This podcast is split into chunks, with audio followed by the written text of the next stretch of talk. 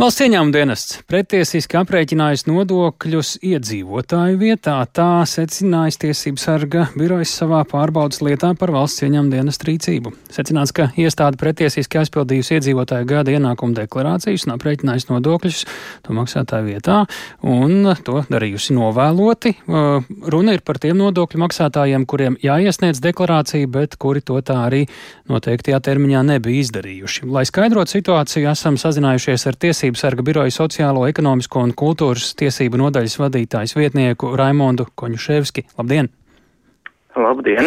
Nu, zināms, ka ieņēmuma dienas automātisko gada ienākumu deklarāciju aizpildīšanu un nodokļu aprēķinu ir izpildījis novēloti, un pēc likumā noteiktajiem termiņiem, un eh, tas ir noticis laikā starp 18. un 20. gadu. Un eh, te runa ir par apmēram 100 tūkstošiem gada ienākumu deklarāciju. Kur šeit parādās tas pretiesiskums tajā, ka deklarācijas ir automātiski aizpildīts iedzīvotāju vai tajā, ka tas ir bijis par vēlu? Eh, tātad, nu, vispirms gribētu sākt ar to, ka šajā stāstā vispār nav strīda par to, ka nodokļu maksātājiem E, bija pienākums iesniegt e, nodokļu deklarāciju un maksāt nodokli. E, strīds ir par to, kādā veidā valstsīm dienests ir aprēķinājis. Tātad valstsīm dienests ir aprēķinājis automātiski 21. gada vidū apmēram un par veciem gadiem, par 2018, 19 un 20 gadu. Un uh, tas pretiesiskums ir tajā, ka likumdevējs bija noteicis, ka šādu uh, atpakaļ vērstu aprēķinu ar jauno metodi var veikt tikai līdz noteiktam termiņam, un tas termiņš bija uh, 21. gada 1. marts un arī 1. maijs par 20. gadu. Valstsīm dienests ir sarēķinājis. Respektīvi, brīdī, kad tika veikts šis aprēķins, uh, jau vairs nevarēja par uh, tiem aizgājušajiem gadiem to veikt, termiņš bija garām, ja? Tā tad nevarēja veikt šādā veidā, proti automātiski. Valstsiņam dienestam pēc šī termiņa noticējuma bija vienīgā iespēja veikt nodokļu pārbaudi vai no audita veidā vai datu atbilstības veidā un, un uzrēķināt nodokli. Automātiski to darīt nedrīkstēja. Un tam termiņam ir būtiska uh, juridiska un tiesiska nozīme, jo tātad likums pēc savas būtības bija ar atpakaļ vērstu spēku, un, un šo termiņu klasiski uh, jurisprudencē nosaka, lai aizsargātu tos, nu šajā gadījumā nodokļu maksātājus, uz, kuru tad, uh, uz kuriem, uz kuriem tad attiektos šī te automāt, nu, mm -hmm. automātiskā aprēķināšana ar apakaļvērstu spēku.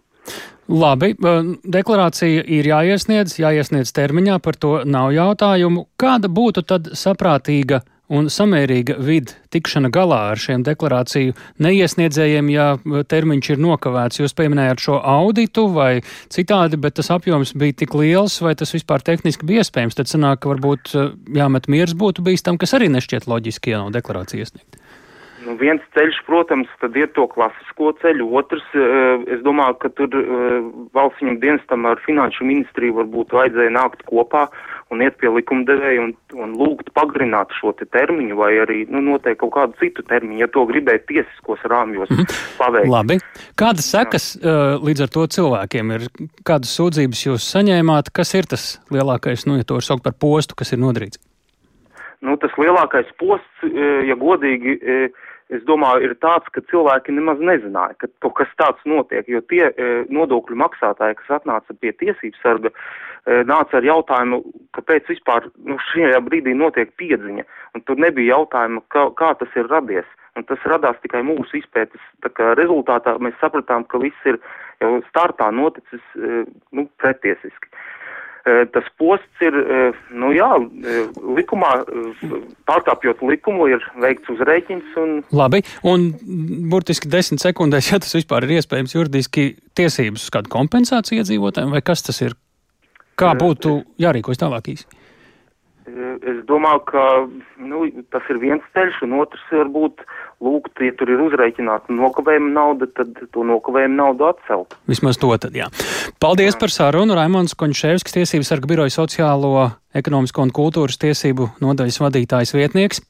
Valsts ieņēmuma dienesta ģenerāldirektora vietniece nodokļu pārvaldes direktora Dats Pelēkā pie mūsu otras klausos. Labdien!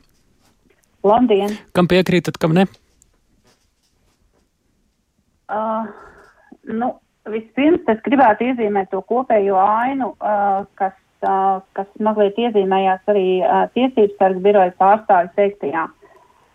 Nodoklis ir jāmaksā visiem, un neviens nevar saņemt atlaidi no šī nodokļu maksāšanas tikai tāpēc, ka cilvēks. Šeit par to arī nav strīda. Šeit runa ir par to uzrēķinu, kas ir kaut kādu kavējumu dēļ, un par ieņēmuma dienesta vēlo rīcību. Par šo mēs mēģinām skaidrojumu no jums. Jā, jā paldies. Es uh, turpināšu savu stāstu.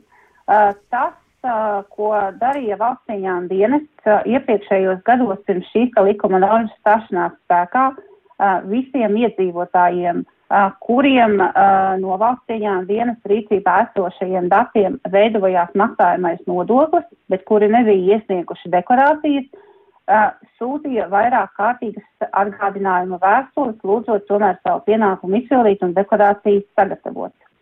20. gada 20. gada beigās tātad sājuma mums piedeva jaunu instrumentu, ļaujot sagatavot un nosūtīt iedzīvotājiem jau gatavas deklarācijas, tātad ļoti individualizētu atgādinājumu ar konkrētām šīm maksājumām nodokļu summām.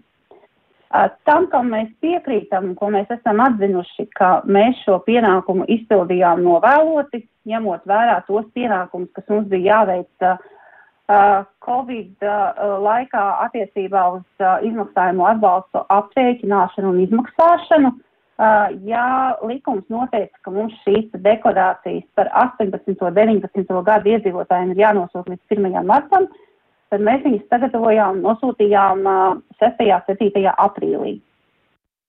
Uh, Jā.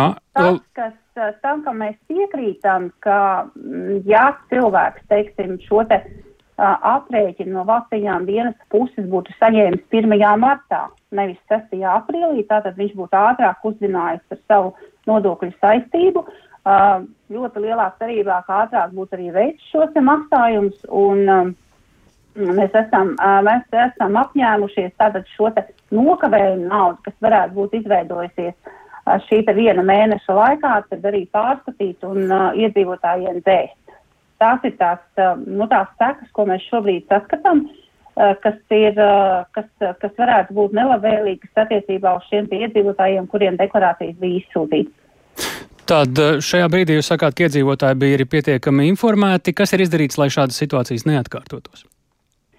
Uh, nu, pirmkārt, uh, ir uh, likumā noteikts šis te konkrētais termiņš uz turpmākajiem gadiem, kad mēs šīs deklarācijas izsūtām. Tas ir 1. maijs mēs esam gatavi ļoti saulaicīgam šim deklarāciju izsūtīšanas procesam, par cik ir, ir, ir sakārtota gan informācijas sistēma, gan iekšējie procesi. Kā jau es teicu, par iepriekšējiem gadiem viena lieta bija tā, ka mums bija jākāpjas uz atpakaļ par 18. un 19. gadu, un, un tas bija arī Covid laiks, kad bija ārkārtīgi daudz dažādu citu darbi darām. Uh, attiecībā uz iedzīvotāju informēšanu mēs joprojām turpinām ļoti plaši pirmsdeklarācijas sniegšanas periodā stāstīt iedzīvotājiem par obligāto pienākumu, kas nevienā brīdī nav mainījies. Bet tūkstošiem tas paslīd garām, kas jāmaina? Uh, nu, jāsaka, ka uh, pagājušā gadā iedzīvotāji bija miljons, kas iesniedz gadu ienākumu deklarācijas. Nu, tad, ja mēs paskatāmies uz 20. gadu, eh, piedodiet, uz, uh, jā, uz 20. gadu, ja jā. tie bija 50 tūkstoši, kuriem mēs izsūtījām šīs deklarācijas, tas, protams, ir uh, diezgan liels skaidrs, nav maz, bet, nu, mēs turpināsim viņiem atgādināt.